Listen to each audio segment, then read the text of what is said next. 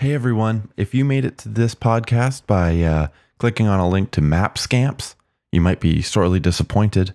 Miles made a little typo with the link and has since fixed it, but I swiped up the old URL and uh, am now hosting my amazing podcast here. If you're looking for Map Scamps, there's a link in the description, but if you came for this show, then listen on and enjoy.